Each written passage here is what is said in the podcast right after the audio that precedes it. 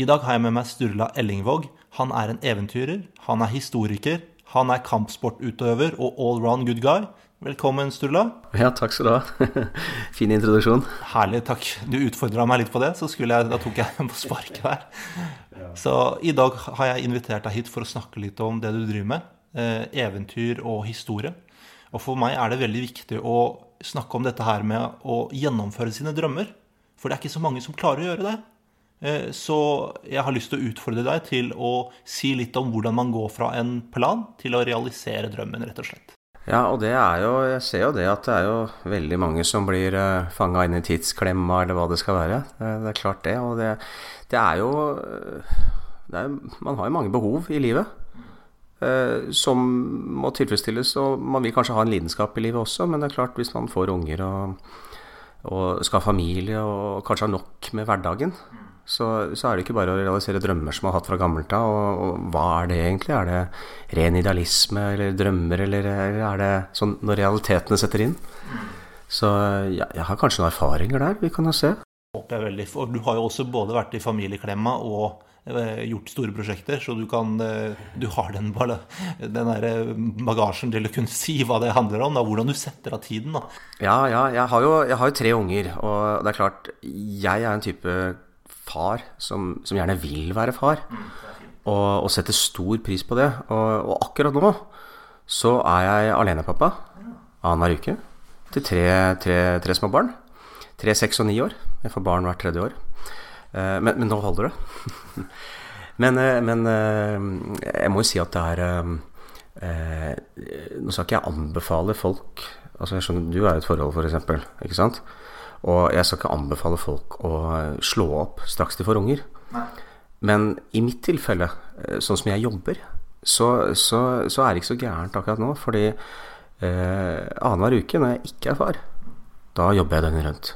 Og jeg reiser, og jeg står på, og jeg holder på med noe som jeg er lidenskapelig opptatt av. Det er viktig. Ja, Og det er ikke bare forskning. altså Det er ikke bare historikerbiten.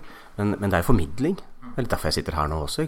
For det er jo en, er en del av en helhet. Og jeg syns historikere eh, har veldig mye viktig som de bør få ut i dag. I dagens samfunn, i dagens politiske situasjon, eller um, når det gjelder hvordan historien fortelles. Det jeg jobber med rent forskningsmessig i, i København, det, det, har gjort, spesielt de siste tre-fire årene Historiebøkene våre må, må skrives om de neste årene. Hvem skal gjøre det? Hva skal stå der?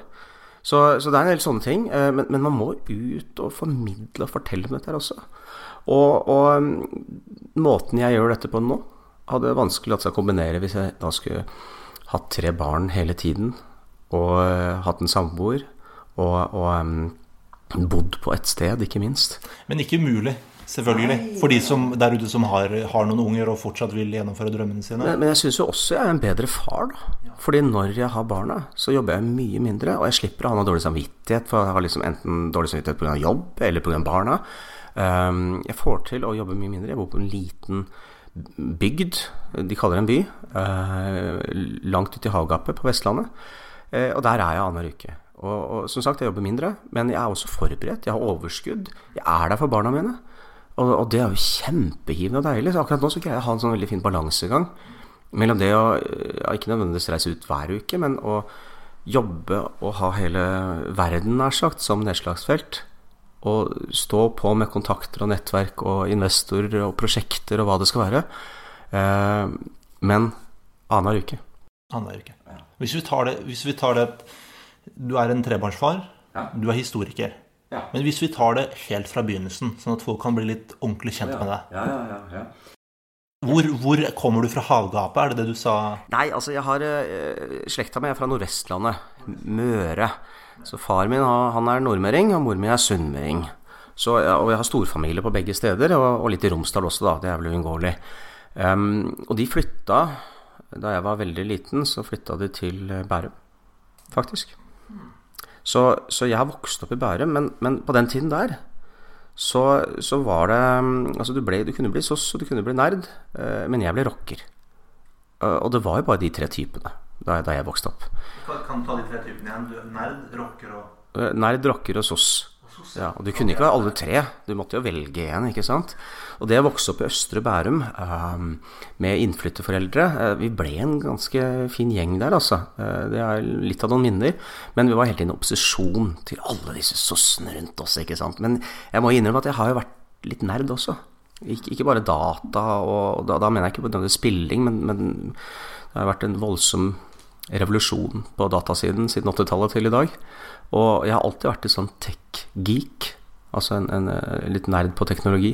Hvordan begynte det? Begynte det på ungdomsskolen eller barneskolen? Nei, det begynte på uh, barneskolen, faktisk. Uh, faren min han jobba med data, og, og han ville uh, Han, han hoppa fra noe sånn møbel Holdt på med noe møbelbedrifter. Hoppa over i var Rockwool, tror jeg, som skulle ha, utvikle helt nytt dataanlegg over hele landet. Uh, og det var jo kjempespennende, selvfølgelig. Svære datamaskiner. Jeg husker jeg var der som liten. Det var liksom enorme, og de store floppy-diskene. Herregud. Det var jo store som uh, Ja, større enn A4-ark, i hvert fall. Men, uh, men Så det har vært en inspirasjon der fra barndommen. og så har det jo hjulpet oss å vokse opp i Bærum. Det er en kulturell kapital der hos folk som vokser, opp der. Jeg, jeg, tok økonomisk utdannelse etter militæret. og var litt heldig, kanskje, men også litt flink med timing, og fikk meg en veldig god jobb. Um, eh, men altså, det var godt betalt, og det var så, så kjempeutfordrende. Men, du ja. studerte økonomi rett etter På B, ja. På B, ja. ja. Og så gikk du ut i jobb? Ja, litt før jeg ble ferdig å studere, men jeg fikk jo en bachelor da, i økonomi. Um, men, jeg, men altså det var ikke det jeg skulle ha som lidenskap. Så imens jeg da går på disse årene her på 90-tallet og tenker jeg må jo mm, ha noe Finne frem til hva jeg egentlig har lyst til å holde på med, så gjør man jo ting underveis. Ok, Så du visste hele tiden at det var et eller annet du ville gjøre, men du hadde ikke helt klart å sette fingeren på hva det var? Og mens du da går, så gjør du jo ting underveis. Du må jo overleve, ikke sant? Ja. Og det er der mange ender opp ved å bli ved sin lest. Du har tatt utdanninga di, du har fått deg en jobb, og du kan kanskje få deg en bedre jobb eller en annen jobb, eller et eller annet sånt, men, men, men nå, holder vi oss til det. Og, og, det er klart, når du kommer i 30-årene, så er det veldig mange som oppdager verdien av å rendyrke det du er flink på, istedenfor å liksom uh, gå ut i alle retninger. Um, for min del så greide jeg ikke helt å legge fra meg dette her med at jeg, jeg har jo åpenbart en lidenskap, og så har jeg en liten sånn um, klisterhjerne når det kommer til tall.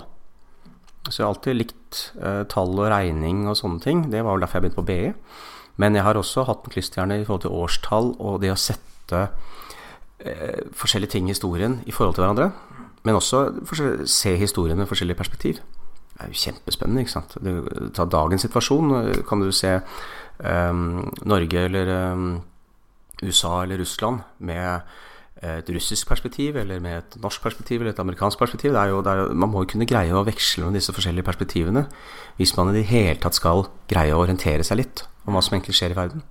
Eh, men denne, ja, denne jobben gjorde at jeg tjente nok penger til at jeg kunne reise jorda rundt i to år.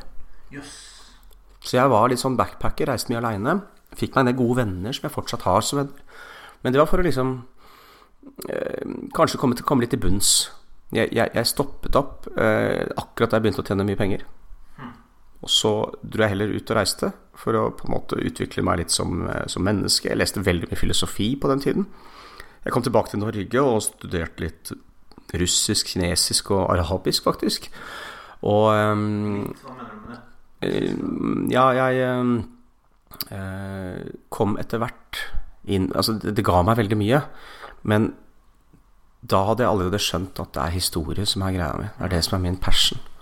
Når var det den, når var det den uh, åpenbaringen kom? Nei, Det var det nok da jeg reiste rundt. Og det som var litt spennende for meg, var at jeg, eh, altså jeg seilte en god del. Jeg, jeg, husker jeg skulle reise da Se for deg at du har litt penger. Du, skal, du kan reise hvor du vil i verden.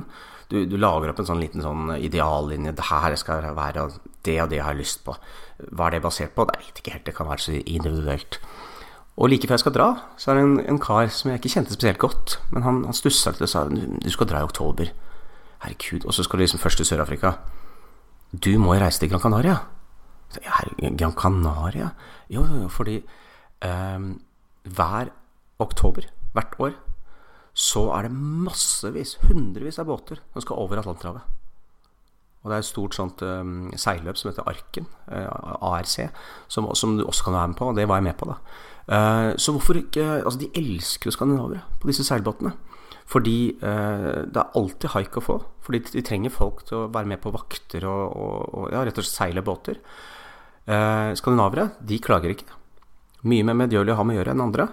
Eh, og hvis du kan lage mat, så er det bedre. Eh, og hvis du er kvinne, så er det enda bedre. Så, så hvis du kan lage mat, lage brød f.eks., og være kvinne og er skandinav, så får du i hvert fall haik på mange båter. Så du hadde, du hadde noen, du hadde sånn tre av fire av disse topp... Ja, ikke være kvinne, og, mat det lærte jeg meg. Og jeg var ikke sånn kjempeerfaren med å seile, men jeg kunne seile litt.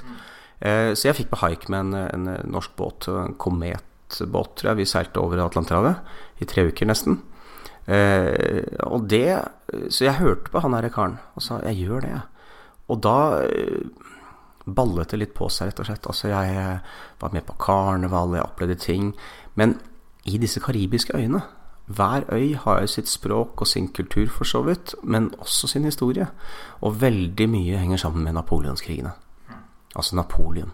Du finner avtrykk etter Napoleon så mange steder rundt om i verden.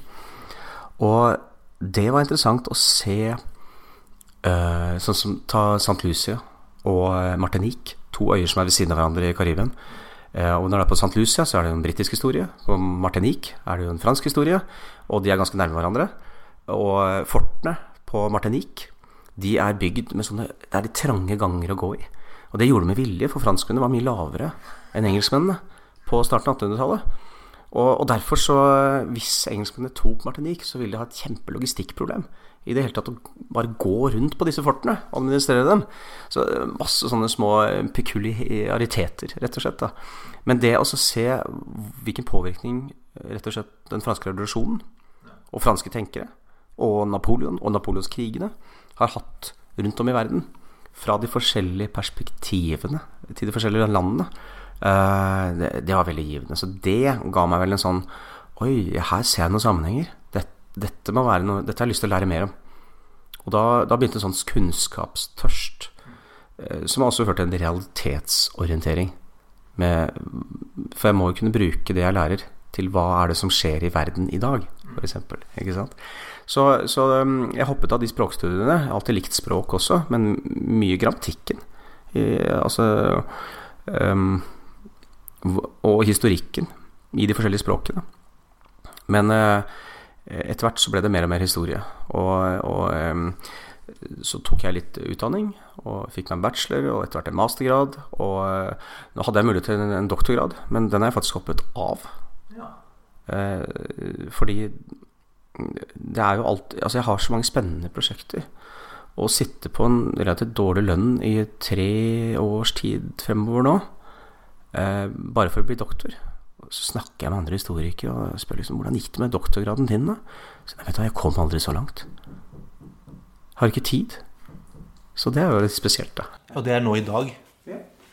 Men for det er litt interessant at når du var rett ved døren da, til den der eh, jobben du hadde som var kjedelig, som kunne liksom gjort deg komfortabel, sånn at du ikke gikk for drømmene dine, mm. da var det en bevisst var du bevisst over det valget at her er det farlig å være, på en måte, for da kan jeg bli så komfortabel at jeg ikke går videre? Jeg, jeg, har tenkt mye på det i det siste, fordi eh, jeg tenker på de som er litt yngre enn meg. De vokser jo opp med et mye mer dynamisk jobbmarked, hvor det er lettere å skifte bransje, f.eks., enn eh, en, det som var på 90-tallet. Og, og, det var ikke bare å hoppe fra den bransjen jeg var i, som, som var å plassere penger i næringseiendom for investorer, over på noe annet. Uh, som uten videre.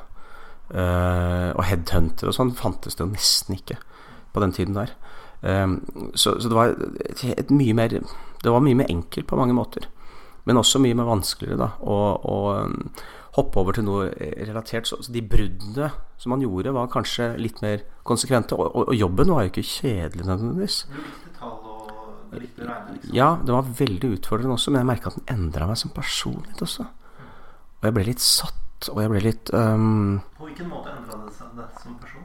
Jeg var litt um, Altså, penger var jo den eneste gulroten. Ja, okay. og, og, og, jeg har aldri vært helt den der pengepersonen. Uh, og, og, så var det noe med at jeg hadde um, veldig mange eldre folk rundt meg, for jeg var ganske ung. Og, og jeg lærte jo mye av å se på dem og tenkte er det der jeg skal være? Så det er klart, det å gå rundt i hverdagen og jobbe veldig mye, og se rundt deg på de som har jobbet veldig mye, og hvor de har endt opp, eh, det ga meg noen perspektiver. Det, gjorde det, altså. Men, men, det endelige bruddet, det, det, det, var vel mer at jeg greide å reise UiA rundt i et par ganger, faktisk, i et par år. Og eh, få en del perspektiver som sa at her er det noe mer. Jeg må finne ut av hva det er.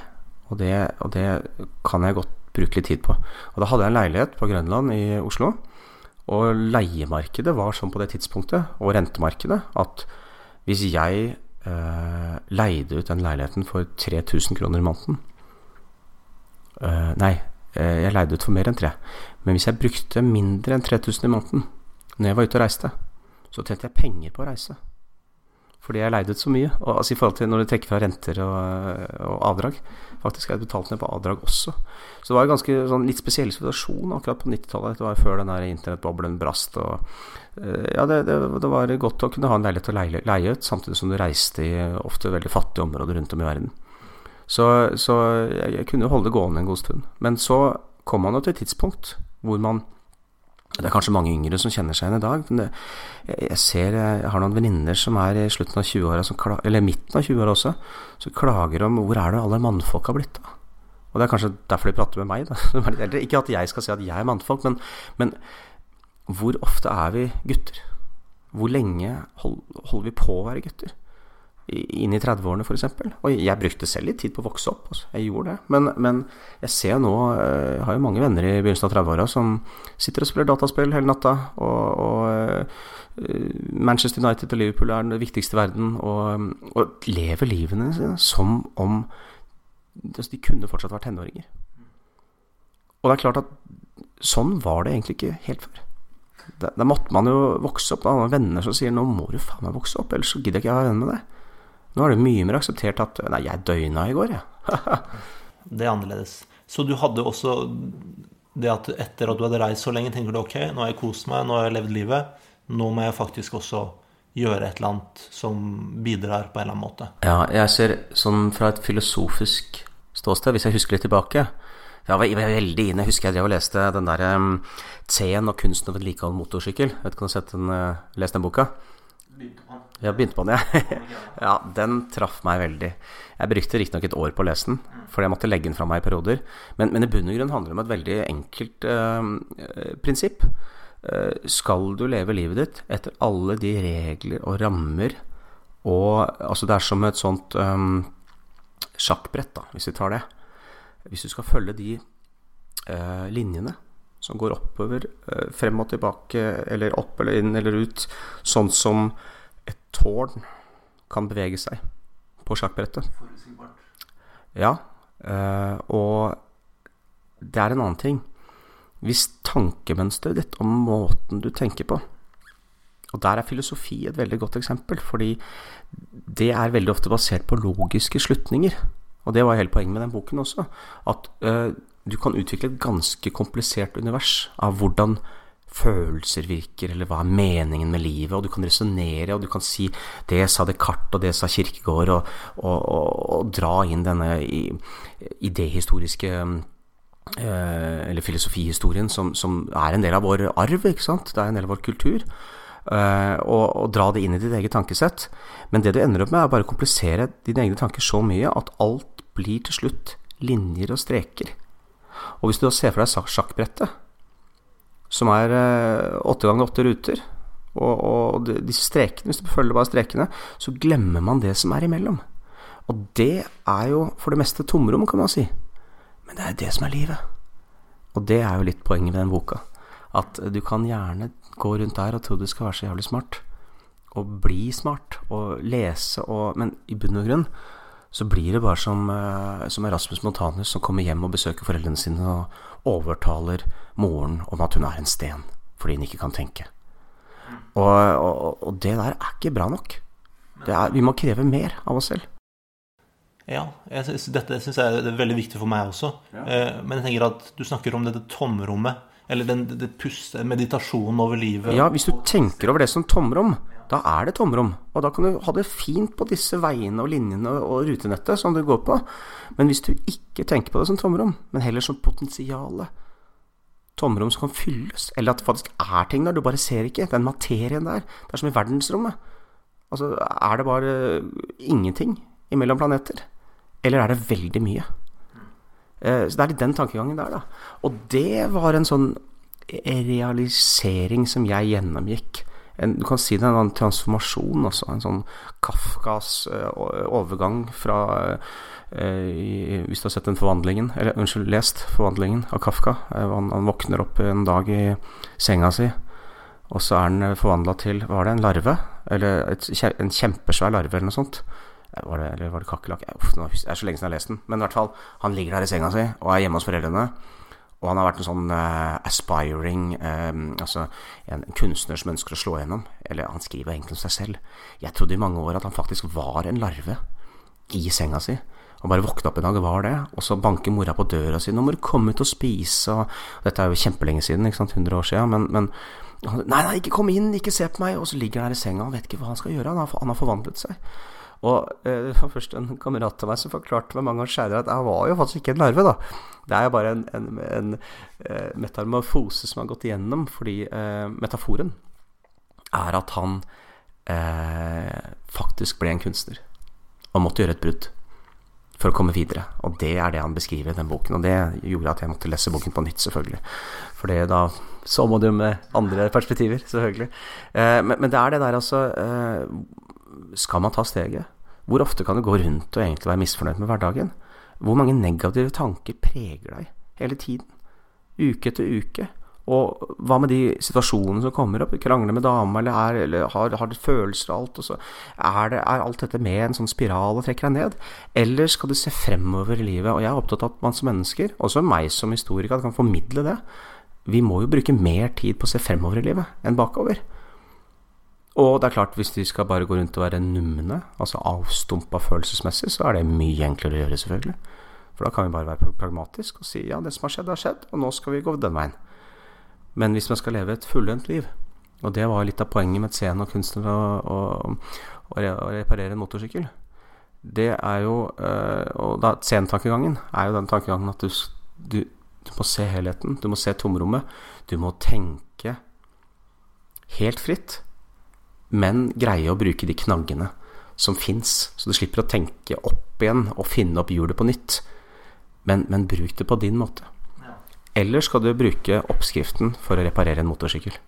For det er det logiske. Tanken. Og du kan fungere helt fint der, men det er klart, for en rastløs sjel, eller en med en spesiell bagasje, eller um, hvis det er noe sånn behov der, som, som ligger der og, som et potensial, hele tiden. Og så prøver du å gå gjennom hverdagen og gå inn i jobben, kanskje få deg en ny jobb, og kanskje få en unge eller to eller tre, og Så ligger det noe uforløst. Og hva gjør vi med det uforløste? For plutselig kommer 40-årskrisa, og da kommer det uforløste rett i trynet på deg. Og da skal du se Det er mange, det er så typisk. Da, da kommer disse lette løsningene, kanskje. Og det er jo veldig mange som eh, forlater kone og barn, eller hva det skal være, eller motsatt, eller eh, gjør en del dårlige valg. Fordi at de egentlig føler at de har noe de vil gi til verden som de ikke har fått ut. Så det er egentlig en ja, om ikke gi til verden, i hvert fall. De har noe uforløst inni seg. Inni seg selv, ja. Ja, ja, ja, klart det. Og, og, det er da mange, mange, tenker, og det er litt typisk da at dette er, Det heter jo 40-årskrisen, men det er jo noe med det at uh, man i løpet av 30-årene det finnes så mange historier om eh, altså Nå vet jeg mest om mannfolk, da, men jeg er sikker på at dette gjelder kvinnfolk også. Som eh, har litt tyngde når de nærmer seg 40, i slutt av 30-åra. Så de kunne godt gjøre de samme tingene som de gjør når de var 30. Men når de gjør det når du er 38-40, da har du så mye mer tyngde. Du kan forelske deg i jobben, for endelig så får du til ting. Du har pondus. Hva gjør du da? Og så, så føler man litt på at nå er det ikke lenge igjen før jeg er 50.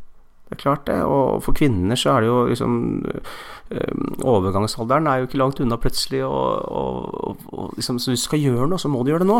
Før du blir for gammel. Og det man glemmer ofte da, er at man Det er egentlig aldri for sent. Jeg kjenner, jo, jeg kjenner jo mange folk jeg som er i 50- og 60-åra og har det kjempebra, virkelig.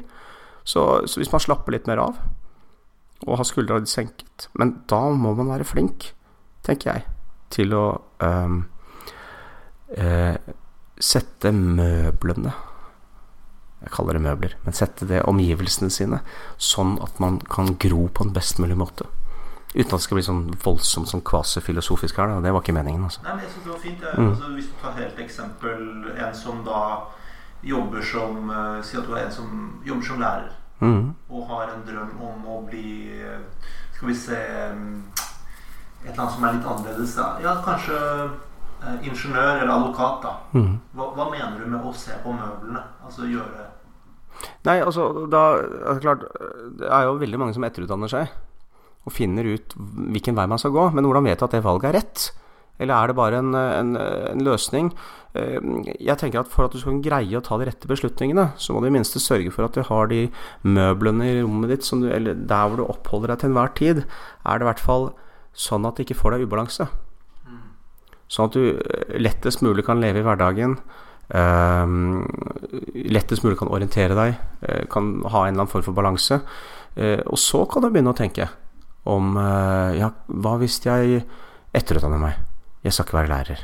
Jeg kan gå tilbake til læreryrket senere. Eh, kanskje jeg skal prøve den. Advokatutdanningen er jo lang, da. Så, men, men altså, det kan være mange ting. Eller kanskje jeg, skal, jeg har alltid drømt om å seile. Eh, ja, det er mulig å få til. Da må man alliere seg med noen, nødvendigvis. Og I hvert fall en kone, hvis det er det man har. Eh, men, men eh, hva eh, Skal man sette et mål om ti år? planlegge? Skal man ha barna på det? Man, hvordan, altså det, er, mange opplevelser. Hvis, hvis, denne realiseringen som har ligget inne hos deg uforløst, handler om en opplevelse, så er det mulig å få til i mange scenarioer. Så det er bare snakk om hvordan man gjør det, og så kan man gå gnage på det, eller man kan la det være en ting som man kan glede seg til fordi man faktisk skal gjøre det. Og det er greit nok, men det jeg tenker på, er hvis man skal videre i livet og holde på med noe som man faktisk skal holde på med. Eh, og det var min opplevelse. Jeg var i et økonomisk system med masse spennende utfordringer. Eh, for meg var det viktig å kjenne på det, se om jeg greide utfordringene. Eh, jeg ble godt kjent med meg selv da, men jeg visste at det var ikke det jeg skulle holde på med. Og underveis, mens jeg bruker da kanskje litt mange år på å finne ut hva jeg egentlig har lyst til å holde på med, så, så, så finner jeg ut hva jeg har som lidenskap. Og så begynner jeg på det, og underveis der så rendyrker jeg. Og gjør bare det jeg er flink på. Uh, og da plutselig er du 40 år.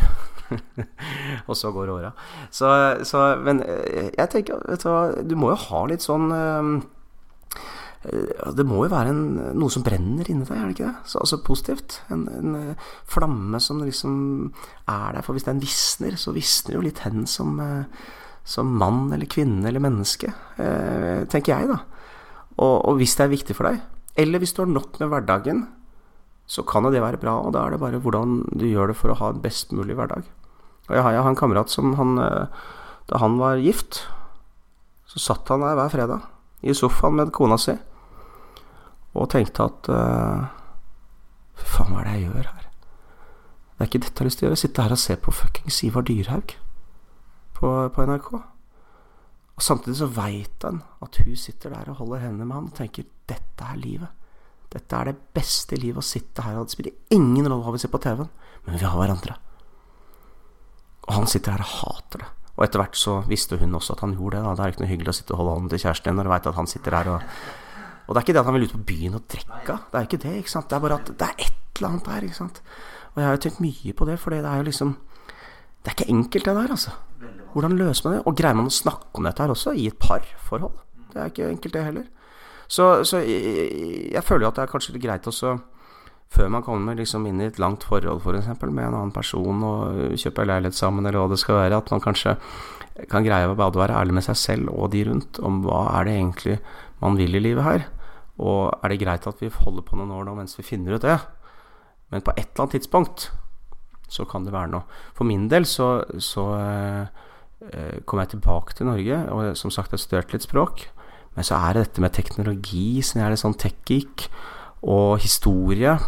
Akkurat da var DNA blitt en sånn ny greie. Eh, fortsatt var det litt tidlig, Men det var ingen som gjorde det. Og, og eh, dette med å jobbe tverrfaglig var ikke en greie da heller. Så eh, det var jo mange eh, historikere og arkeologer som ikke gjør samarbeid med eh, genetikere. Og DNA-labene var jo liksom Det var ikke så mange av dem heller da. Så jeg putta bare meg selv midt imellom der. Mellom historikerne og arkeologene og genetikerne. Da var det et kjemperom. Og jeg spurte genetikeren hva dere trenger. Nei, vi trenger spennende DNA. Å, ok. Ja, hvor skal vi dra? Eh, og, jeg starta med å dra til, til Kanariøyene. Der er det noen guansjer. Og, og har, mange av dem har jo blondt hår og, og, er veldig lyse. Og Thor Heyerdahl han hadde jo sydenteorier om at det kan jo være vikingene fra Grønland som er der. Og det er jo nå tilbakebevist eh, med DNA. Men, eh, men, jeg dro dit og, og, hadde med et fantastisk bra team. Og, og gode minner, altså. Etter hvert så har det vært viktig for meg å ha med bra folk på tur. Vi har et felles forskningsmål, men det er jo nærmest vel så viktig å ha det gøyalt på tur, altså. Fordi det er disse minnene, det er det man lever for, egentlig. ikke sant? Så jeg har vært på påske, jeg har vært på um, Krim og Asov eh, i dagens Ukraina, eller det er jo russisk kontrollert nå.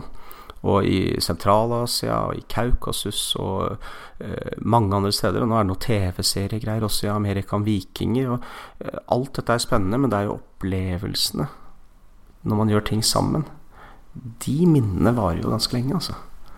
Men du er jo her nå i en situasjon hvor du kan reise rundt i verden, hente DNA fra veldig spennende tidligere personer, og se det til, være med på å gjenskrive historien.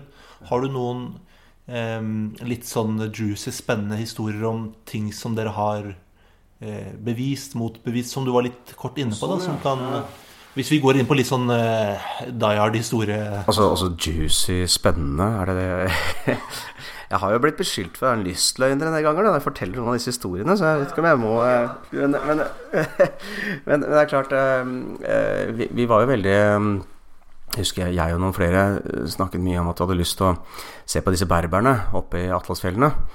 Eh, ja. Marokko, Algerie hovedsakelig, Nord-Afrika. Og disse Atlasfjellene er jo eh, noen helt spesielle fjell. Det er svære, ikke sant. Og, og um, det er en del turister der oppe også. Jeg hadde en kamerat som sykla gjennom Atlasfjellene for mange mange år siden. Og det, det var jo der disse to uh, jentene mista hodene, hodene sine. Uh, så, så, det er jo Men, men altså Jeg ville jo opp dit på disse mest isolerte stedene, for da var det fortsatt sånn at uh, hvis man drar på så isolerte steder som mulig, der hvor Langt under veier. Der hvor bor folk som har bodd der i hundrevis av år og aldri blanda seg. Det er bare folk som flytter fra stedene. Aldri til. Der er det på en måte renest mulig, da. Og der får vi jo spennende Da kan vi lese mye spennende ut av dette DNA-et. Og, og, og eh, da, Berberne eh, er jo et sånt, et samlingsbegrep, da. Men, men eh, det man vet, er at mange av disse berberne har uh, veldig lys hud og blondt hår. Og uh, de, ser, de, ser, ikke ut som afrikanere, sier de selv. Jeg har vært der oppe og snakket med dem, og de, de, de vil jo gjerne vite. Så de er veldig interessert at vi skal ta litt blodprøver eller sånne q-tips på innsiden av munnen, spyttprøver, og så se litt på DNA og prøve å forklare hvorfor er det det. Og rent historisk sett så, så er det jo et, en folkegruppe fra før vikingtida som het vandalene det er vandalene, det er goterne og burgunderne og rugiene, altså de fra Rogaland. Mange folkegrupper som kom ut av bl.a. Skandinavia og Nord-Europa, ned til Sør-Europa, var med å ødelegge Romerriket. Og goterne, det var ostrogotere i uh, Italia. Og så kommer lombarderne etterpå. Og det er jo Lombardia, heter det jo selv i dag. Og det, det, de var jo longobarder, heter jo egentlig Altså langt skjegg. Ja, lange, bar, altså lange skjegg. Og, og, det er jo Lombardia i Milan-området. Men de var jo over hele Italia og tok over etter goterne. Og i Spania var jo sveberne. Det er jo fra Skandinavia. Um, vandalene var der. Og så kom goterne. Visse goterne. Og Gotia, er ikke det Danmark uh... Ja, det, altså man kan se på Altså du har Gotland. Ja, okay. Du har Jøtaland. Uh, men Jylland er det også en del lingvister som mener at uh, den J-en i Jylland ble jo uttalt med en mer sånn G. Eh, for 1000 og 2000 år siden. Og, da er det jo Gotland der òg, faktisk. For L, dobbel L er jo eh, TL, eh, sånn som det er en del steder fortsatt i Norge. Og på Færøyene, f.eks. Så full heter jo fuddel, ikke sant. Og da, da blir det jo, det blir jo Gotland, da. nei, Jylland. altså Gotland. Så at, det er én svær region da, som er en slags gotisk region, inkludert dagens Gotland, er jo um, et sånt opphav man snakker om når det gjelder disse goterne. Men vandalene også var jo fra Nord-Europa, og de kom ned i dagens Spania. Og så Hørtes ut som de lagde god stemning. Ja, men vi har ordet vandalisere fra dem. Fordi de ble dytta videre ned i Afrika av goterne. Og der lagde de et rike, et kongedømme. Og de eh, bl.a. Eh, inntok eh, Roma i år 455, eh, var det vel. Og eh, herja såpass mye at ordet vandalisere, fordi de vandalere, det kommer fra dem. Og denne 'sacking of Rome', som de visstnok har gjort flere ganger. Um, så det er litt morsomt. Og, og så er spørsmålet er det samme folk. Og jeg ville jo opp der. Og det er litt pussig da at um, da, Her er vi i en tidlig fase. Dette er mange år siden. Og, og vi har muligheten til å uh, Eller jeg må finne en mulighet for å komme inn i Marokko. Uh, også siden jeg hadde vært på Kanariøyene. Allerede gjort forskning der i form av at jeg har samlet inn noe, og vi har sett på noe bare mitokondria-DNA, men, men allikevel, det var spennende. Um, og jeg hadde lyst til å følge opp i Marokko. Og da hadde jeg fått hjelp av um, Fred Olsen, rederen. Ja. Og uh, han koblet meg til datteren sin. Uh, altså ikke Sofie, men Kristine. Og hun koblet meg til Bettina Heyerdahl, dattera til Thor Heyerdahl. Og de hjalp meg med en person som står nær kongen av Marokko. Som hadde kjent Thor Heyerdahl. Og, og, jeg snakket med han. var nede i Spania. Og han inviterte meg på en sånn kjempestor nomadefestival som han arrangerte da, annethvert år i Sahara. Men, men, i Marokko, da, men Sahara. Uh, så, så, vi reiser jo ned dit, og det er litt sånn sprøtt. Altså, jeg, han skulle introdusere meg for kongen. Og vi skulle få til, for, for det er jo, det er, vi kan ikke spørre en politiker. Kan vi dra opp i fjellene og, og ta noe den av berberne? Uh, vi må over politisk nivå i Marokko. Um, så jeg dro ned sammen med en antropolog fra Færøyene, som jeg på det tidspunktet reiste ganske mye sammen med. Og som er flytende i fransk og spansk. Og jeg, jeg selv kan jo eh, litt i språkene, men ikke nok til at jeg kunne Jeg, jeg måtte ha med henne. Og hun er flink med mennesker. Veldig flink med mennesker. Eh, så vi eh, dro ned dit. Inn i ørkenen. Fra Gadir, buss langt inn i Sahara-ørkenen. Og så kommer vi sånn mellom noen sånne sanddyner og, og, du kan se fra litt mørkt kommer i skumringen. Og så er det da et helt vilt sprøtt sånn, sånn VIP-setting. Med, med, røde tepper mellom disse teltene, og teltene var sånn eksklusive beduintelt.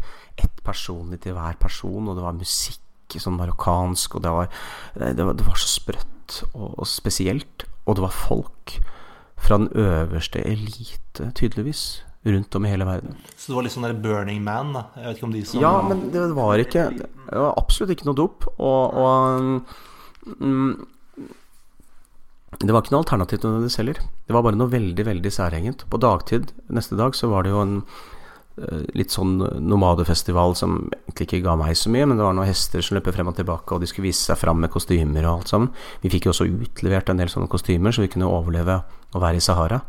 Men det var på kveldstid det var mest spennende. Og vi eh, eh, overnatta jo der, blant annet. Festivalen varte vel fra torsdag til søndag, tror jeg. Og, og vi møtte, møtte, så mange spennende folk, men det spesielle var at jeg holdt på med noe spennende. Så jeg opplevde jo at folk ville bruke meg til å introdusere meg for andre som de egentlig ville snakke med. Og, og, og da var det sånn Hei, this is Stura. He's from Norway. Og på det tidspunktet var Norge ikke så farlig i Marokko. Uh, og jeg hadde med meg noen fra National Geographic, Spencer Wells, en kjent, veldig kjent genetiker. Og han jobba da på, for National Geographic og hadde lyst til å lage noe TV, så vi hadde med ta kamerateam og greier, da. Men de var ikke interessert i disse amerikanerne.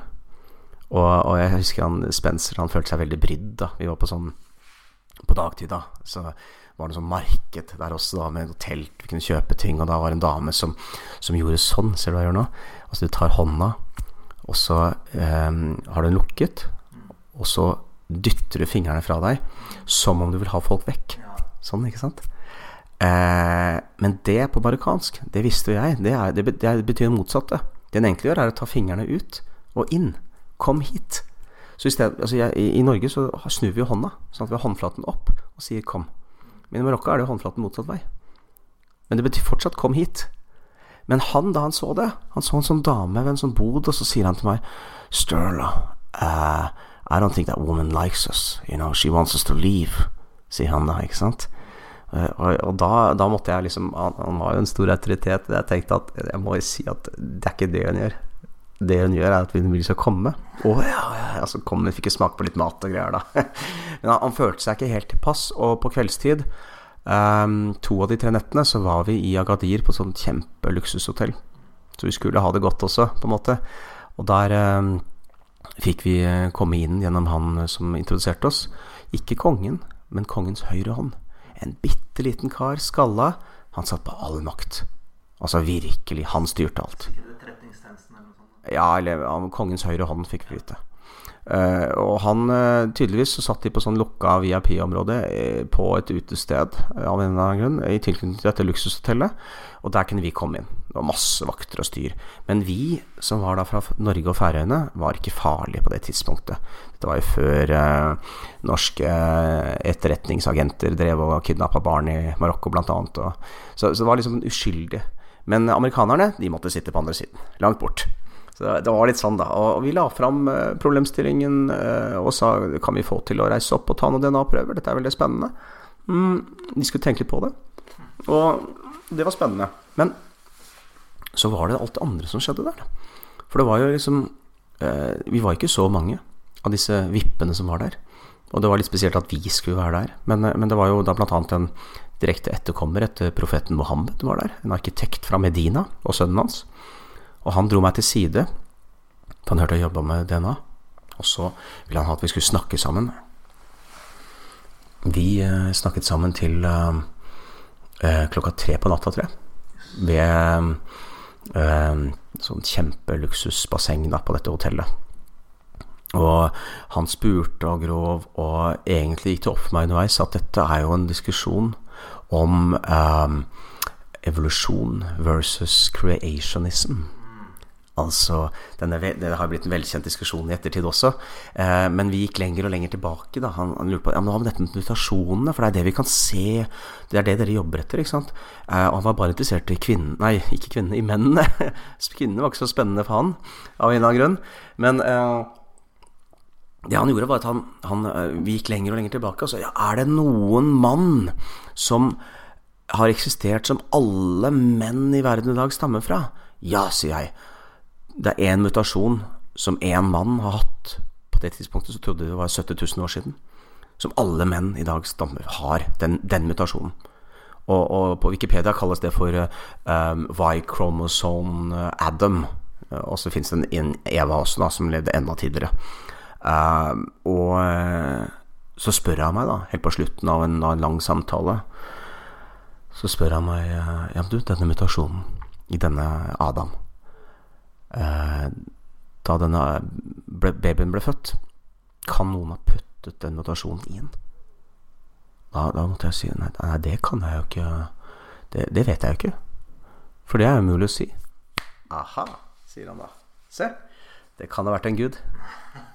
Så creationism wins right? before evolution. Det var hans konklusjon. ikke sant? Det var, det var litt spesielt. Eh, men så var det en annen kar der også.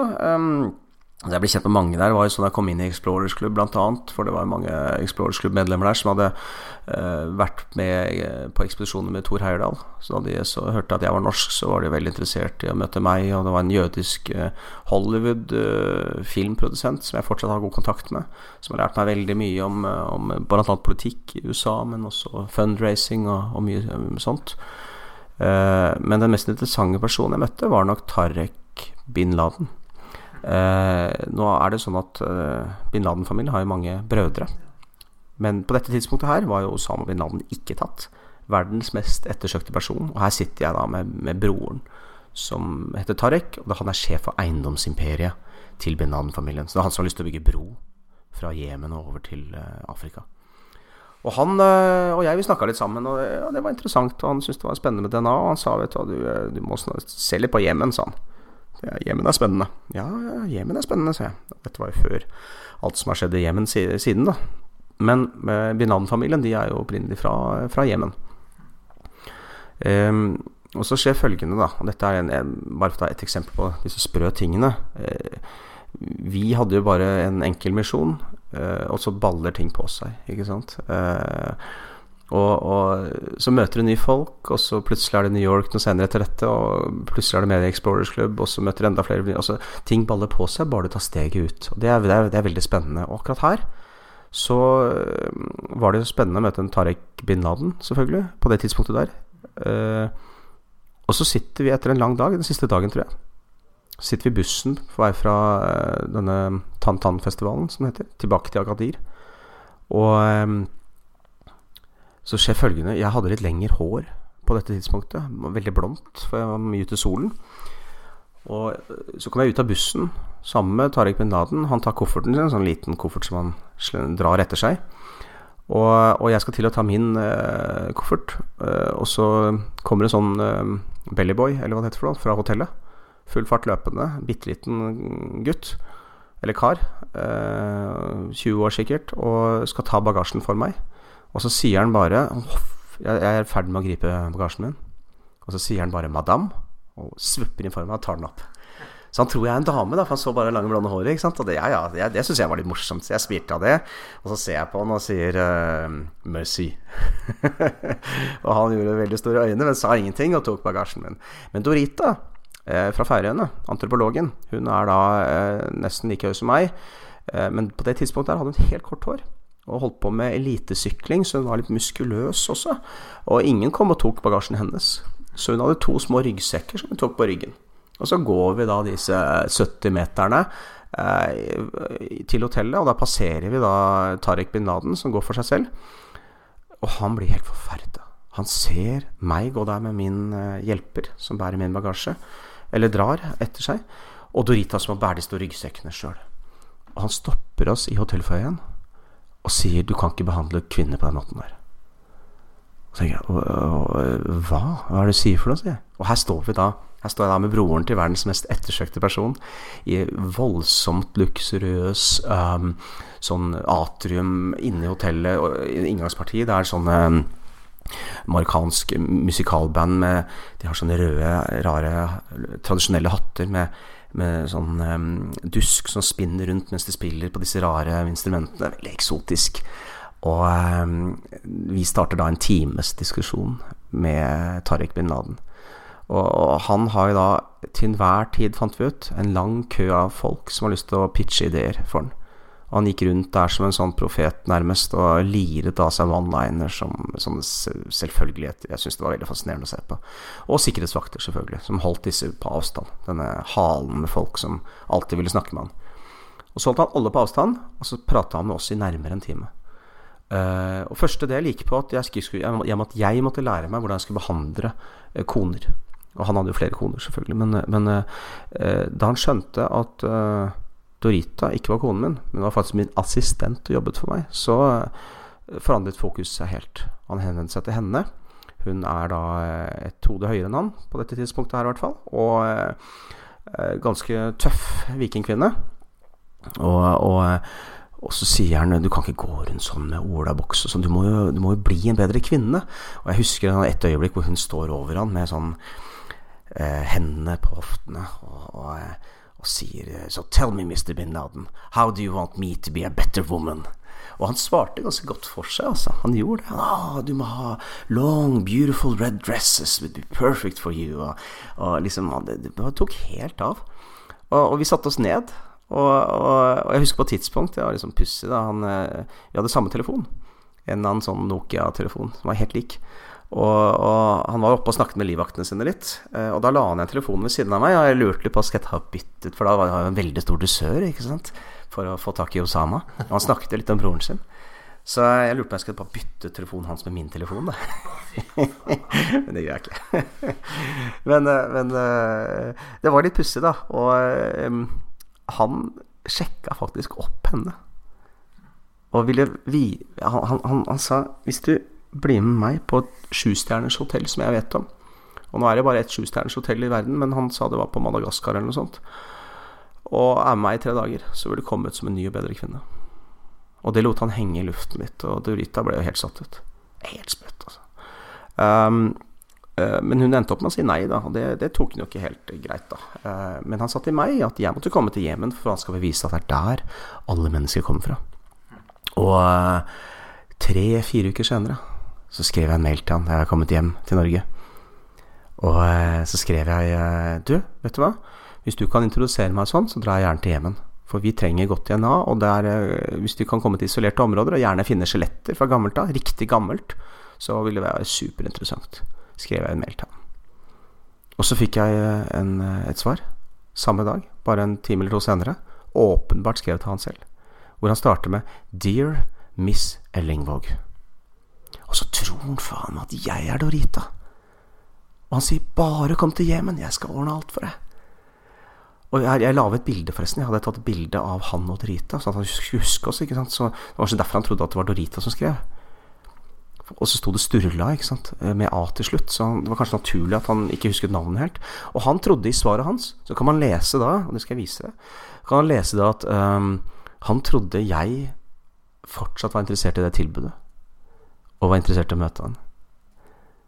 Og så sitter jeg der og leser den mailen og tenker hva skal jeg gjøre nå, da? Skal jeg reise dit? Og hva er det som kommer til å skje med meg da? Når det er jeg som står på hotellrommet der, og han plutselig dukker opp i døren i Slowbrock, og There you are! Nei, eh, så jeg endte opp med å ikke dra.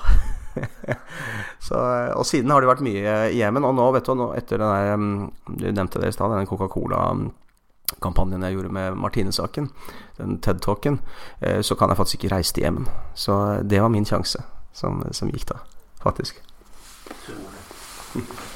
Men, men, eh, ja, det var jo helt liksom eventyr, for å si det mildt. Da. Du, du kommer for å hente noe DNA og ta noen sånne spyttprøver opp i fjellene, og så ender du i indre eliten av verdens eh, politikk. Ja, du kan jo si det sånn. Altså, det, er jo, det er litt pussig hvis du har noe interessant å komme med. Hvis du er interessant som person, og ikke bare en sånn gimmick og at du er en sånn forbanna influenser med 500 000 følgere, men, men at, at, at, du har noe genuint som folk kan være interessert i, så er det jo bare å plassere deg. Jeg tenker litt på det på vei ned dit. Her skal jeg møte en del spennende mennesker. Jeg vet ikke hvem. Eh, la oss bare se hva, som, hva man får ut av det. Og hvis du er litt tilbakelent, og er norsk, som er på en måte er det ikke farlig nødvendigvis, sånn som en amerikaner kan være, eller noe sånt. Eh, la, la oss bare se hva som skjer. Og, og, du verden hvor mange opplevelser jeg hadde på kort tid der. Liksom, du måtte jo klippe deg av armen hele tiden omtrent. Så, så, sånt er morsomt. Men hvordan, når du er på sånne steder der du kan nettverke med, med, folk som kan hjelpe deg, og du kan hjelpe dem, hvordan går du frem da? Skriver du ned navn og nummer? Tar du eh, e-posten, eller husker du det? Jeg tror du må Altså, det er så, det er så, det er så himla mye piss ute i verden og går. Det er så mange som er så flinke til å selge, og det er så mange som lett uh, uh, Ja, som prøver seg hele tiden, og spesielt disse som sitter med litt makt, eller ja. Uh, og, og, det er jo ingen som tror på det som blir sagt, spesielt hvis det er for godt til å være sant. Det som jeg opplever funker, er um, hvis det er noe som virker autentisk. Og da hjelper det å ha skuldrene nede og være den du er. Rett og slett. Så man eh, Altså, de sier det om kinesere. Eh, hvis de skal gjøre business med deg, så må de se deg full først. For det er da de føler at de ser hvordan du er. Det er da det kommer fram. Ikke sant? Det er interessant. Ja. Og man må ikke være redd for å drikke med disse folkene. Jeg har vært masse i russisktalende land hvor det er en ganske sterk drikkekultur. Og, og, da føler jeg en trygghet, for jeg er litt sånn heldig disponert der. For jeg kan blande fint uh, alt mulig sprit og, og tåler litt også.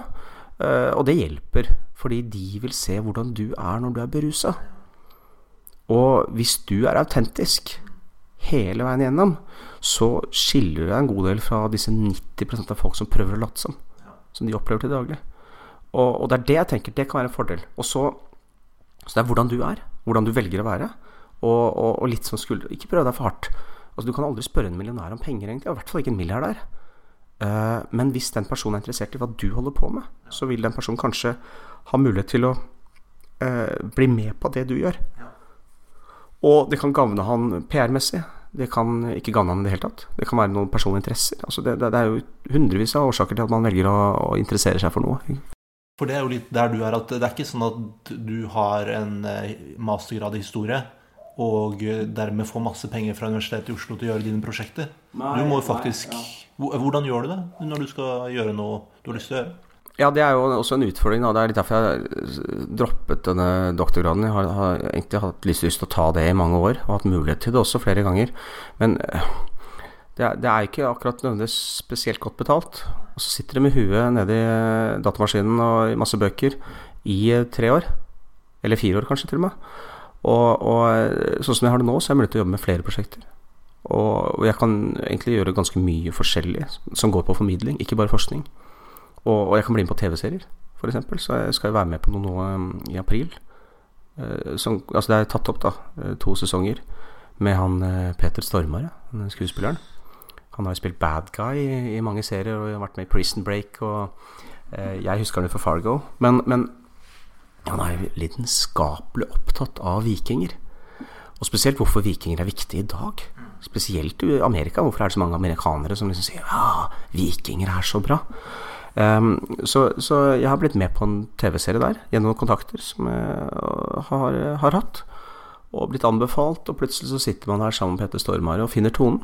Igjen der dette er autentisk og kjemi eh, det ofte går på, ikke sant. Men bare vær der sjøl, så, så, så, funker det.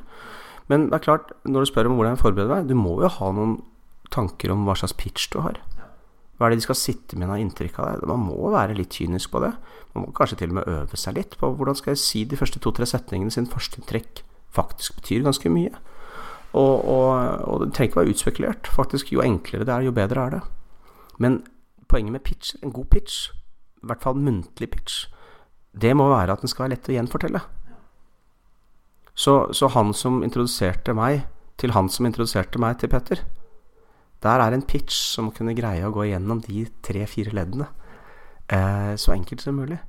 Og derfor sa han første jeg snakket med, han ringte han andre, og han sa vet du hva, du må snakke med Sturla, så greier han å gjenfortelle deler av den pitchen. Nok til at han sier ah, dette er interessant. Så, så pitcher må jo være enkle. Kan ikke være mange setninger, kan ikke være komplisert.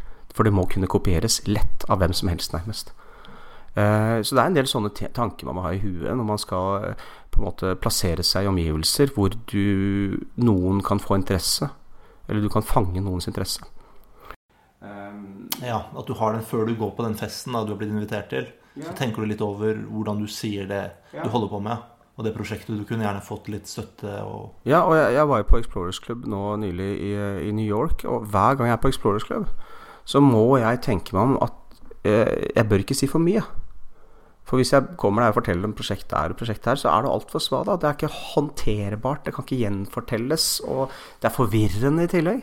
Så, så jeg, jeg, må bare servere den enkleste og kanskje mest spennende historien som jeg holder på med akkurat nå, av 10-20 prosjekter. Bare velge meg ett, og, og stick with that, liksom. Sånn at øh, hvis du er interessert at folk skal prate om deg, eller introdusere deg for nye. Og nå Eh, jeg har jo sett på nettet at eh, du ikke bare pitcher du folk og får støtte på ulike steder, du også bruker kickstarter ja, ja, ja, på ulike prosjekter for å få støtte.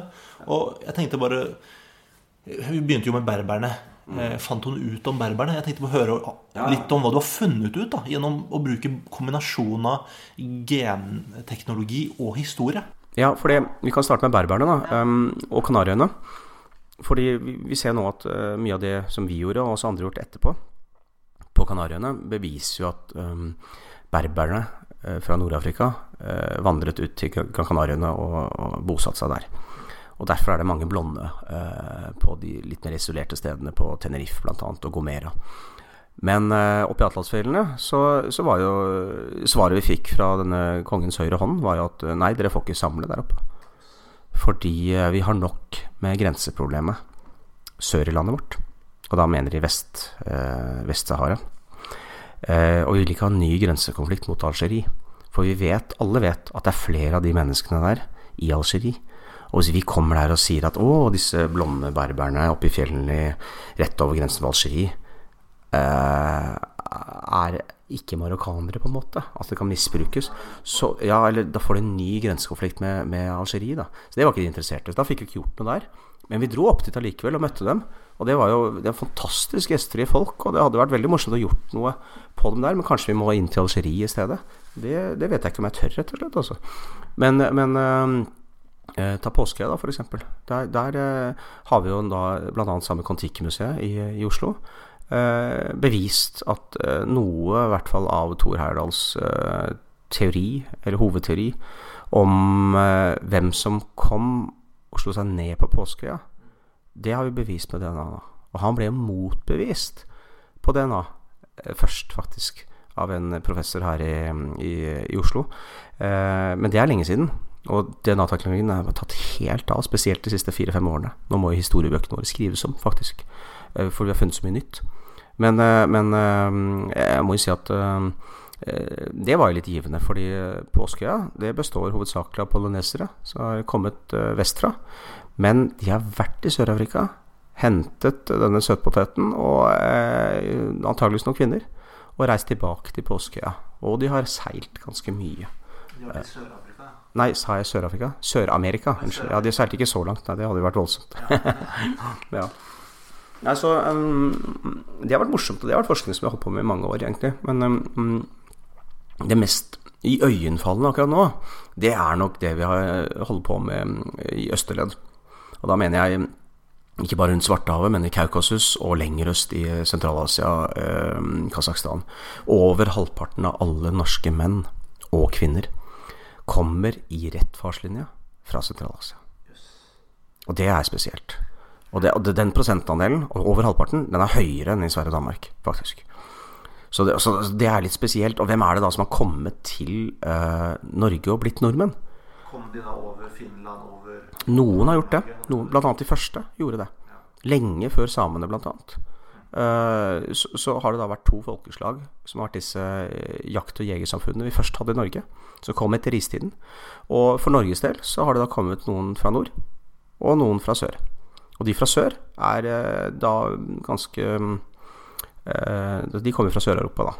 Og, etter hvert, altså noen tusen år senere, så kom det også jordbrukere.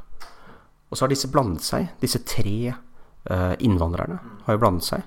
Og de som, det var jo mange flere av disse jordbrukerne enn en jakt- og jegermenneskene. Men allikevel så er det jo en del ting som har blitt bevart der, da. Og det er en del teorier nå om ja, hvem var disse første.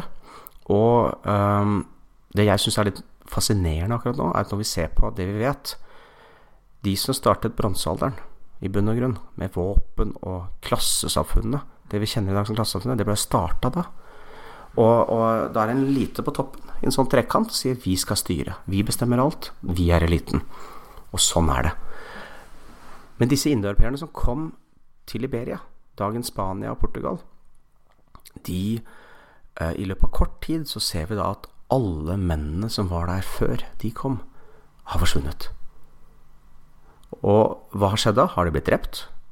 Er det seleksjon? Eh, er det andre ting? Vi vet at pesten var ganske aktiv på den tiden. Altså den, eh, ja, ja, den var aktiv da også. Den går ikke bare tilbake til 1300-tallet og, og 500-tallet. Eh, altså den svartedauden og den justinianske pesten. Men det går lenger tilbake i tid.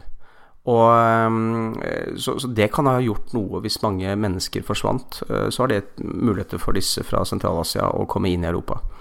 men det er, det er disse som kom, som er interessante. For det er de som hadde med seg en krigerkultur som vi fortsatt har i dag i Norge, som vi fortsatt finner i dag i Kasakhstan.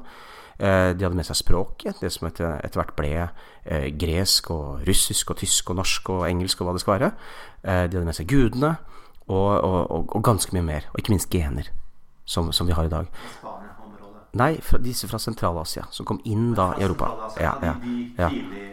Tidlige jegersjangerne?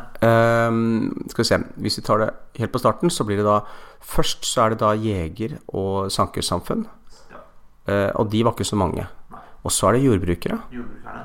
Og så kommer disse indoeuropeerne. Og de kom fra Sentral-Asia? Ja. Og det er de som på en måte fucker opp hele greia. Fordi det er da man kommer med våpen og klassesamfunn og um, endrer på ganske mye. Og ikke minst genpolen, gensammensetningen. Og, og, og, de hadde jo et klansamfunn som, som, er det samme som vi finner ved starten av vikingtida. Jeg forsker nå på røttene til vikingene. Og vi ser da at disse klanene og høvdingsamfunnene som vi hadde ved starten av vikingtiden, som vi kjenner så godt til, det går jo egentlig langt tilbake inn i bronsealderen.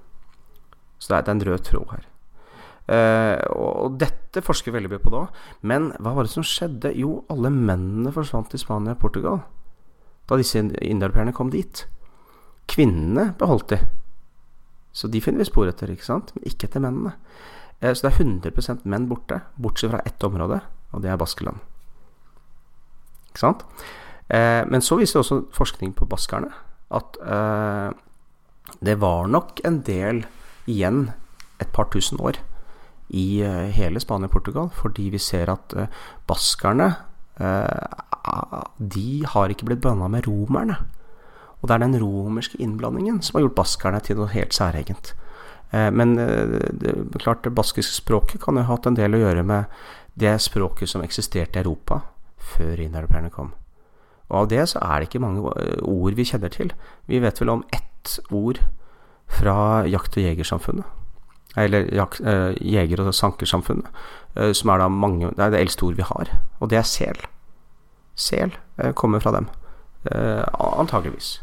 og så er det en del ord som kommer fra jordbrukssamfunnet, som ikke kom fra indoeuropeerne. Men, men det er ikke nok til at vi kan si så mye om hva slags språk som var før uh, bronsealderen. Så er det indoeuropeerne som tok over hele sjappa, basically, ja. når de kom til Skandinavia? Og plasserte seg selv på toppen av samfunnet? Ja. Og så har de ikke utryddet De har tatt makten på forbausende kort tid. Eh, mennene har nok blitt utryddet over en del eh, år, altså kanskje noen hundre år eller tusen år. Men de har hatt med en sånn eh, måte å spre genene sine på som har vært ganske voldsom. Hvor konkubiner har vært ganske viktig. Og det er det samme som man ser på Djengis Khan og senere i Sentral-Asia, helt opp til våre dager, nesten. Hvor, hvor uh, uh, den som styrer, har førsterang på valg av kvinner. Og alle disse konkubinene, de barna han får, de som er eh, sønner, de blir prinser. Og de får vokse opp da i uh, hoffet. Og så blir de sendt tilbake til der mødrene kommer fra. For å regjere der, som sånn mini-prins, da. Og der har de konkubiner fra sitt område igjen. Og når de konkubinene får, får, sønner, så blir de prinser igjen og blir sendt tilbake etter oppdragelsen til der de kom fra. Og det er den perfekte måten å spre genene sine på. Ja. Ja, ja. Perfekte måten å spre genene sine på. Det er mye av grunnen til at vi kan jobbe så mye med disse eh, genene. Og, og, og, finne ut eh, alt dette her som vi har funnet ut de siste fire årene. Fire-fem årene.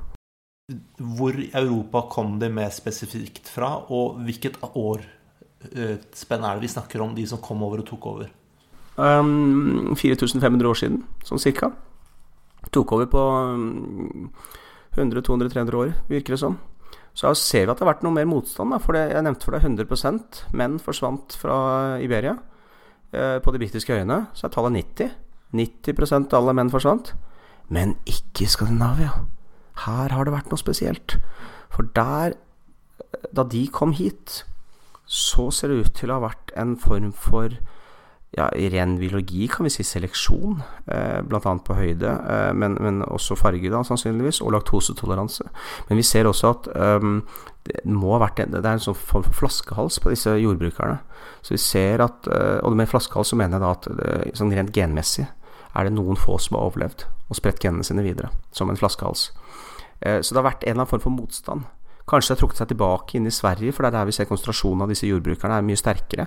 Og et område i Finland, rett over uh, Åland der, uh, hvor det er en absolutt størst konsentrasjon. Så kanskje det har trukket seg tilbake når disse indoeuropeerne har kommet. Og så er det jo den geografien i Norge. Altså Hvis du gjemmer deg i en liten fjord, og det er tusenvis av fjordarmer, så får du en ganske stor populasjon som kan uh, være vanskelig å nå. da. Ja, om ikke stor, i hvert fall noen som overlever. Mm.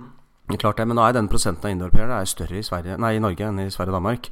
Eh, og det har noe med at Norge eh, det, det, er ikke så lett å forsvare seg når du har en lang kystlinje.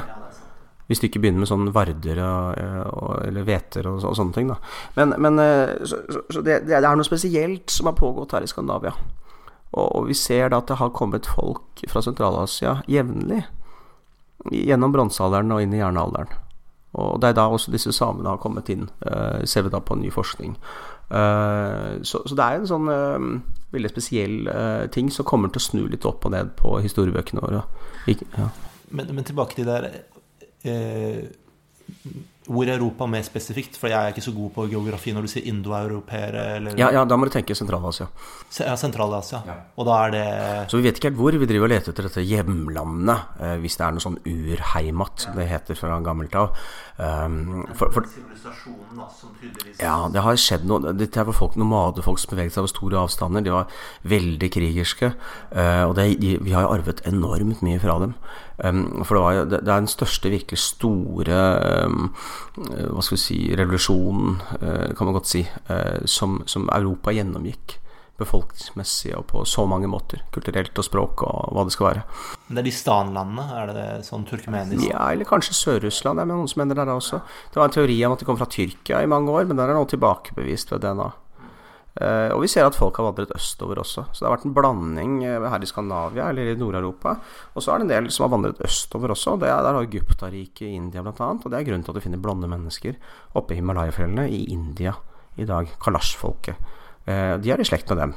Og så er det andre som har vandret østover, sånn som Alexander den store, som da bærer på arven fra disse indoeuropeerne og vandret østover også. Så det, dette er uh, hele historiske kartet, uh, i hvert fall for Europa og Asia, er jo ved å endre seg nå. Det er spennende å være med på faktisk å kunne etablere ting som ikke spekulasjon, men historiske sannheter, ja. der man kombinerer genteknologi og historie. Og Det er fordelen med å jobbe med genteknologi, for det er jo uh, naturvitenskap. Eh, mens historie jo, kan tolkes på alle mulige måter, i alle mulige settinger, og er humaniora å betrakte. Så, så her er det, en, det er en veldig spennende kombinasjon, altså. Uh, og spørsmålet er hvem som skal skrive den nye historien. Vi ser jo her at uh, vikingtiden og den dynamikken og klansamfunnet som eksisterte, det, og høvdingdømmene, det går jo mye lenger tilbake. Og, og det må vi jo få med oss. Her er det en utrolig spennende historie å fortelle. Det, det der, Du er interessert i vikinger, og jeg er også det. Og um, en norsk konge Jeg har sett slaget på Stiklestad. Hva heter han som tapte slaget på Stiklestad? Olav den hellige. Olav den hellige. Ja. Han stakk jo i eksil først i Russland, og så var han leiesoldat eller noe lenger nedover i Europa. Og han har et sånt fantastisk liv, men det er det at Veldig mye av vikingene reiste utrolig mye rundt i verden. Og veldig mange drev og jobbet som leiesoldater og ditt og datt. Og det, beste eksempelet der er nok uh, Olav den helliges uh, halvbror. Uh, Harald Hardråde. For, for, han var jo da i den personlige livvakten til keiseren av Konstantinopel. Han var bl.a. på Sicilia sammen med normanere, som også var vikinger eh, på det tidspunktet, å betrakte. Um, og, og hjalp til med å, å, få muslimene ut av Sicilia og Sør-Italia. Eh, og ta kontroll over hele Sør-Italia. Eh, så det var Harald Hardråde med på. Og, og, var faktisk ganske Vi vet han var på lag med, med normanerne og lombarderne der. Og det er et sånt stort slag i um, Syrakus i 1039 eh, eller noe sånt, som er noen år før han eh, til slutt dro hjem til Norge. 1042 var vel det. Eh, og der skjer det av følgende at en lombarderprins, lombardisk prins, tar en veldig fin hvit hest som general, den greske generalen som representerte Bysants, som var på samme lag. Han sa 'jeg vil ha den hesten'. Og så sa lombarderprinsen 'jeg vil ha den hesten'. Så tok han hesten. Men den som var sjefen, for hele styrken som angrep muslimene. Dette er etter at de har vunnet, ikke sant? Dagen etter. Eh, sjefen, generalen, han ville ha den hesten. Og siden han ikke fikk den, så eh, stilte han opp alle soldatene og normanerne og varangiene, varangierne, sånn som de het, disse, altså Harald Harald og hans folk. Alle måtte stille opp, og så offentlig ydmyket han denne lombarderprinsen. Og han fikk han til å kle av seg også, visstnok. Eh, og, og jeg vet ikke om han ble slått eller hva det ble, men han straffet han ganske hardt for at han prøvde å ta den hesten som var hans. Og på grunn av det så dro normanerne eh, Harald Hardråde med sine, sine vikinger, leia, og lombarderne dro sammen i solidaritet og sa vi vil ikke være med på lenger, nå stikker vi.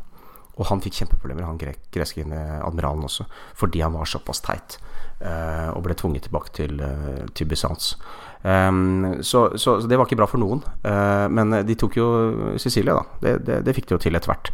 men det er fantastiske historier å se og hvordan de bygde opp rikdom, ikke minst.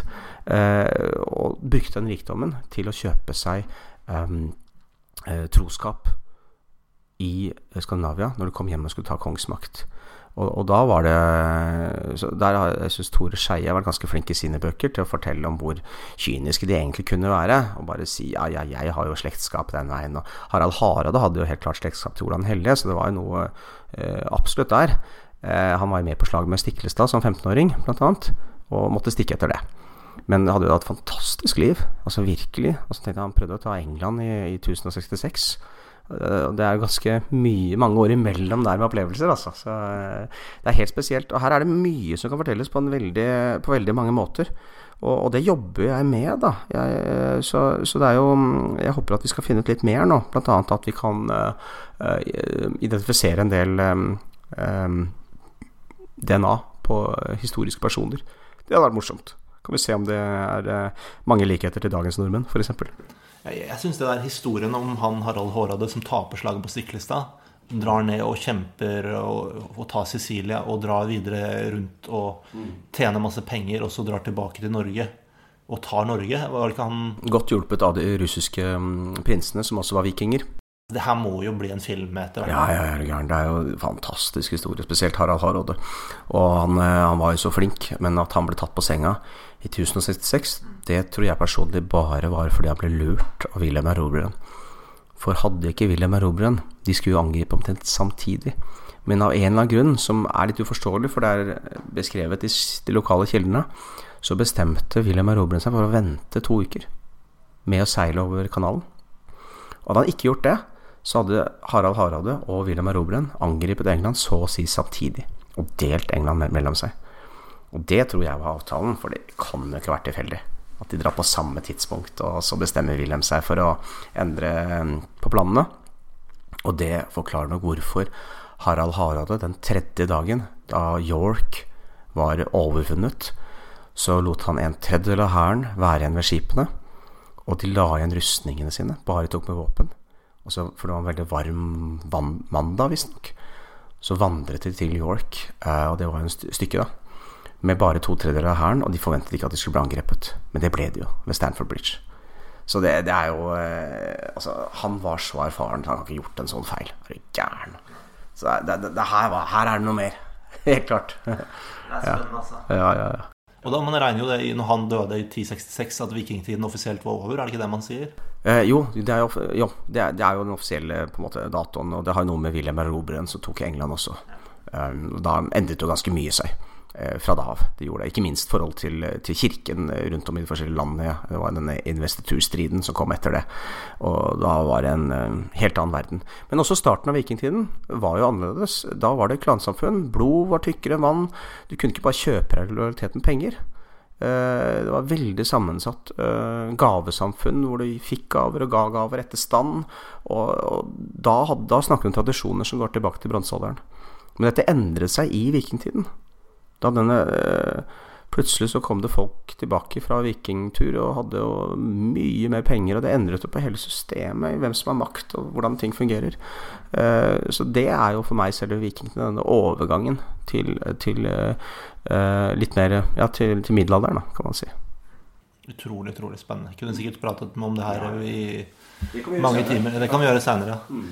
Men uh, kan ikke du si litt om hva du holder på med nå, sånn at folk kan følge deg og Og sånn, ja. ja, ja, ja.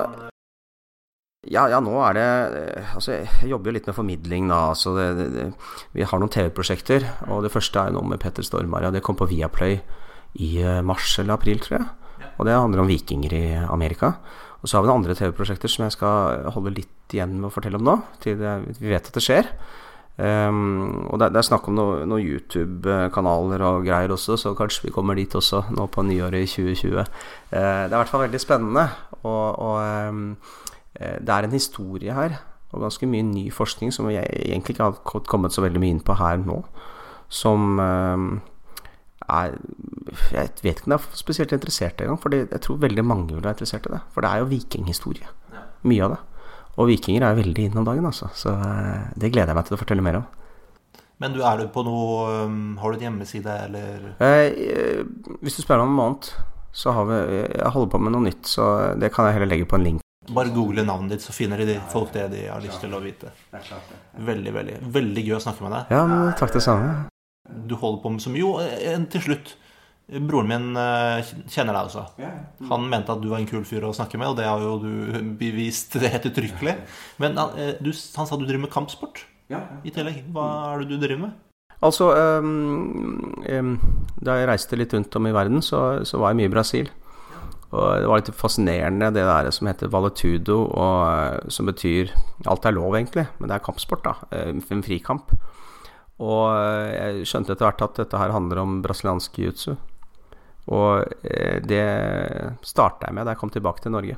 Så jeg har jo egentlig trent det i nærmere 20 år, faktisk. Vært et instruktør også. Men det jeg liker med det, er at det er, ikke slag og spark. Og det har ikke så mye med størrelse å gjøre. Eller muskler. Det har med ledd å gjøre. Og det har ikke så mye muskler i leddene dine, egentlig. Faktisk, jo mer muskler du har, jo mindre fleksible er du i leddene dine. Så det er bare bra å møte en sånn bolehode og legge den i bakken og eh, legge den i lås. Det har jeg gjort mye. Bare på trening. Men det er veldig gøyalt. Så, ehm, så, så, det For meg er det en sånn passion som er veldig, veldig, veldig gøyal. Og jeg liker det. Det er et teknisk element der også, siden jeg er litt sånn tech-geek. Eh, fordi ehm, det er veldig teknikkbasert. Og, og, det må det jo være hvis du skal være en, eh, en, en eh, liten person som kan ta en stor person, f.eks. Og, og vi har jo trent med kvinner som ser helt normale ut, som kan ta menn på to meter som ikke har så mye erfaring. Um, lett, altså. Det er jo helt fascinerende. Så, så dette er en resultat av hva som har skjedd siden 90-tallet fram til i dag, hvor alle kampsporter er blitt blanda. Og det som funker, er på en måte blitt bevart. Og nå kan du ikke bli god i kampsport uten å trene flere typer kampsport på en gang, ikke sant. Og, og, så det har jeg vært med på, det. Og, og fulgt da, og trent selv, og syns det er veldig, veldig spennende. Jeg har ikke Mest for min egen del. Altså, ikke sånn, jeg har ikke noe behov for å konkurrere eller noe sånt, men uh, veldig gøyalt og fascinerende. Utrolig kult. Nei, det var, det var, Jeg lurte på det. Det er alltid gøy når du hører liksom Han er historiker, så tenker du ok, det er en fyr som sitter over en bok da i hele dagen. Mm. Men eh, du er et eksempel på at eh, det er ikke det er et veldig feil bilde på dagens historikere. Det ja, det er både òg. Det er noen historikere som, som, liker å sitte i trygge posisjoner på universiteter og, og ha lønnene sine og, og, produsere skolebøker eller hva det skal være. Og forelese og eh, oppdra nye historikere. Så det, det, er bra. Jeg liker mer å være ute, men det kan jo føre til at jeg liksom er involvert i ting sånn som vi Snakka så vidt om Martine-saken og Jemen. Eh, så jeg, det er jo enkelte steder jeg ikke, kan, ikke bør dra til, da, som en følge av livet jeg har levd. da. Det er jo også noe. Ja, for du har jobbet med Martine-saken. Du har hatt en TED-talk der der du tar opp den saken, og du kjenner jo litt uh, hennes far. Ja, altså jeg kjente jo ikke hun Martine, men dette var jenta som studerte i London og, og ble voldtatt og drept. Av en jemenitt. Ja, som er en rikmannssønn, og Scotland Yard har over 30 bevis på at det er han. Så det er, det er ingen tvil. Men han eh, fikk jo Onkelen hadde et privatfly i Norge akkurat da. Business i Norge. Så den morgenen da han hadde dratt eh, Martine, den døde Martine ned i kjelleren for å prøve å gjemme henne Det var blod overalt, og han må bare stikke av. Så får han onkelen til å fly med, et, eh, med privatflyet til Heathrow, og han stikker av. Og siden har han levd eh, i Jemen og hatt eh, sju forskjellige um, identiteter som han har levd på, giftet seg og lever tilsynelatende et godt liv. Men det som imponerte meg så mye Jeg, jeg møtte jo han faren på Oslo Freedom Forum uh, et av de første årene der og hørte folk prøve å gi råd. Alle var veldig sympatiske uh, med hans situasjon. Håpløs situasjon. For Jemen har ikke noe utleveringsavtale på plass med, med Storbritannia. Så, det, så, så han kan bare gjemme seg i Jemen, og har nok penger til det. Uh, og, og, jeg sa til um, uh, Odd Petter at uh, Ja, men hør, da. kanskje jeg kan prøve å hjelpe. Jeg har jo akkurat møtt Tariq bin Laden. Han er jo fra Jemen, og kanskje jeg kan få til noe der. Um, og nå gikk ikke det. kanskje fordi han også er nær denne faren, for han er veldig mektig i Jemen. Så der kom ingen vei, men da altså, Det jeg likte med Odd Petter, var hvor, hvor han var så soleklar på dette her at vi kan ikke akseptere at vi kan leve i en verden i dag hvor du kan bare stikke av, så kan du skjule sønnen. Så jeg vil gjerne adressere eh, fra far til offer, til far til gjerningsmann. Gjør det rette. Gjør det etisk riktige. For det her forsvinner ikke. Og det har de jo ikke gjort. Så de har jo kjempeproblem selv i dag. Og, og jeg eh, tenkte at ja, men hva hvis vi mm, snakker med farens forretningsforbindelser, da? For det er jo Coca-Cola. Det er Whirlpool, det er Mercedes og en del andre selskaper. Hva hvis vi går den veien, da? Appellerer til disse um, store uh, multinasjonale korporasjonene og, og, som er så opptatt av etikk, visstnok. Og appellerer til dere om å gjøre det riktige. Og det tok jeg på meg å gjøre, og så fikk vi brukt litt sosiale medier og fikk litt hjelp av eh, Martines eh, venninner. Og plutselig så hadde du en folkebevegelse i gang, hvor alle sa til disse gjør noe. Legg press, vær med å legge press på familien om å gjøre det etisk riktige. Eller så dropper vi å bruke dere som kunde. Og én etter én så sa de ja, Mercedes var veldig tidlig ute, Whirlpool Eneste som holdt igjen, var Coca-Cola. Og i to uker holdt vi på med at vi skulle drikke Pepsi istedenfor Cola. Og eh, jeg forhandla da med, med, han som fortsatt nå er sjef i Coca-Cola i Norge. Og eh, Eh, jeg tror han trodde jeg var en sånn venstreaktivist. Jeg oppførte meg litt sånn Che Guevara kanskje eh, mot han da, men det var jo litt sånn geriljataktikk. Det, det var jo det. Og han visste ikke hvor han hadde meg. Og så, eh, etter to uker, så ble jeg kobla direkte i kontakt med hovedkontoret til Cola, Coca-Cola i Atlanta i USA. Og da sa de greit, vi gir oss. Vi bryter kontakten med faren hvis ikke han utleverer sønnen til Scotland Yard. Og så um, brukte vi siste uken på å lande, på en måte, sånn at ikke det skulle komme ut at de hadde gitt seg, for de ville ikke at dette skulle skape presedens. Mens jeg var jo interessert i at det skulle skape presedens, for da kan vi bruke den pressmåten på andre multinasjonale selskaper. Men eh, Coca-Cola hadde jo veldig problemer med grunnvannet i eh, en stor del av India spesielt på det tidspunktet, og de ville ikke ha ny ja, altså, Det ble litt sånn forhandlinger. Uh, men, men, vet du hva, jeg må jo si det at Greit, jeg var på TED Talk og fortalte om det her, og det er interessant hvordan man kunne bruke multinasjonale selskaper til å oppnå form for etikk hos dem, eh, og stille dem til ansvar for hvem de gjør business med. Men, eh, men i bunn og grunn så ble det ikke endra på så mye. For det, vi har skjønt, er at eh, ja, greit, faren droppa styreposisjoner og eierandeler og sånn, men han overførte det bare til broren sin. Til den onkelen som hadde et privatfly i Norge. Så eh, det ble ikke så endring på det som vi kanskje trodde. Eh, Men å prøve den avenyen og presse på å skape mer søkelys, ja, altså det er jo med i riktig retning ja. uansett. Hovedformålet var jo å yte press på eh, familien til denne mistenkte. Ja, og det kjente de jo så til de grader, så det funka. Men det var litt sånn stusslig, syns jeg, av Coca-Cola ikke være med like, på lik linje med oss, da. For når det kom til stykket, så bare tok den spansken. Ja. Og sånn er det. Nei, men det er jo veldig fint at den saken her trengs jo Det er jo det er som faren sier, han at rettferdighet må skje sin fyllest på globalt nivå. Og det er Vi kan ikke ha en sånn verden der du kan bare gjøre hva du vil og Nei, vi, altså hvis vi aksepterer det, så aksepterer vi også at verden er mer grusom enn det vi egentlig liker å tenke på. Og kanskje den er det. Men det er jo fint å også klinge Ja. Det er fint også å holde til det som altså, Etikk må vi fortsette å bruke og ha et forhold til, akkurat som filosofi og øh, øh, disse verdiene som, som, vi står for, og skal stå for, og skal leve etter. Det, det, er jo det som definerer oss. Men hvis vi tar det helt i begynnelsen igjen. Ja. Du er ikke økonom, du er historiker. Du er, gjør det du er lidenskapelig opptatt av. Mm. Føler du en viss frihet i det? Ja, jeg gjør jo det. Det er klart det. Men det er klart, det har jo ikke vært lett å finne den balansen, sånn at jeg kan kombinere det med det å få barn, f.eks. Eh, nå er jeg ferdig med småbarnslivet. Jeg har bytta bleie konstant i ti år. Eh, det er litt deilig. Og, og, det er klart, når barna blir litt eldre, så er det lettere å kombinere. I hvert fall når du har dem annenhver uke. Og nå skal ikke jeg gå ut og si da at eh, hvis du har lyst til å realisere deg selv, Skill deg fra kona di, ha ungene annenhver uke, så kan du i hvert fall gjøre det halvparten av tida. Men, men, men, eh, for det er ikke sånn det har blitt. Det var ikke det som var målet. Eh, men, eh, men enden på visa er jo da at det er der jeg sitter nå. Og det gjør at jeg kan jobbe døgnet rundt når jeg ikke har barn. Og det gjør jeg også. Og, og, det er veldig deilig og givende. Og det å kunne ha noe med mening i livet som på en måte er nær min lidenskap, det er flott. Og de ukene jeg er far og har ungene, så jobber jeg som sagt mye, mye mindre. Og har tid til barna og føler at jeg er en bedre far også. på den måten. Så det er, det, det er givende nå, altså. Det er det. Man har selvfølgelig alle utfordringene som er i hverdagen, men de skal være der. Hvis du får løst opp i noe, så kommer det noe nytt. Du får regninger, du òg. Du, du, må pusse opp eh, en gang iblant, og du må Ja. Du er ikke noe Selv om du gjør det du er lidenskapelig opptatt av, så er du helt normal. Det er vel det vi Ja, det er jo man, man vil alltid Jeg har jo alle de samme tingene som alle andre sliter med. Det um, må vi bare takle, og det er jo en del av livet, det òg. Det er jo det. Veldig, veldig kult. Takk for at du var med i podkasten. Ja, tusen takk for meg.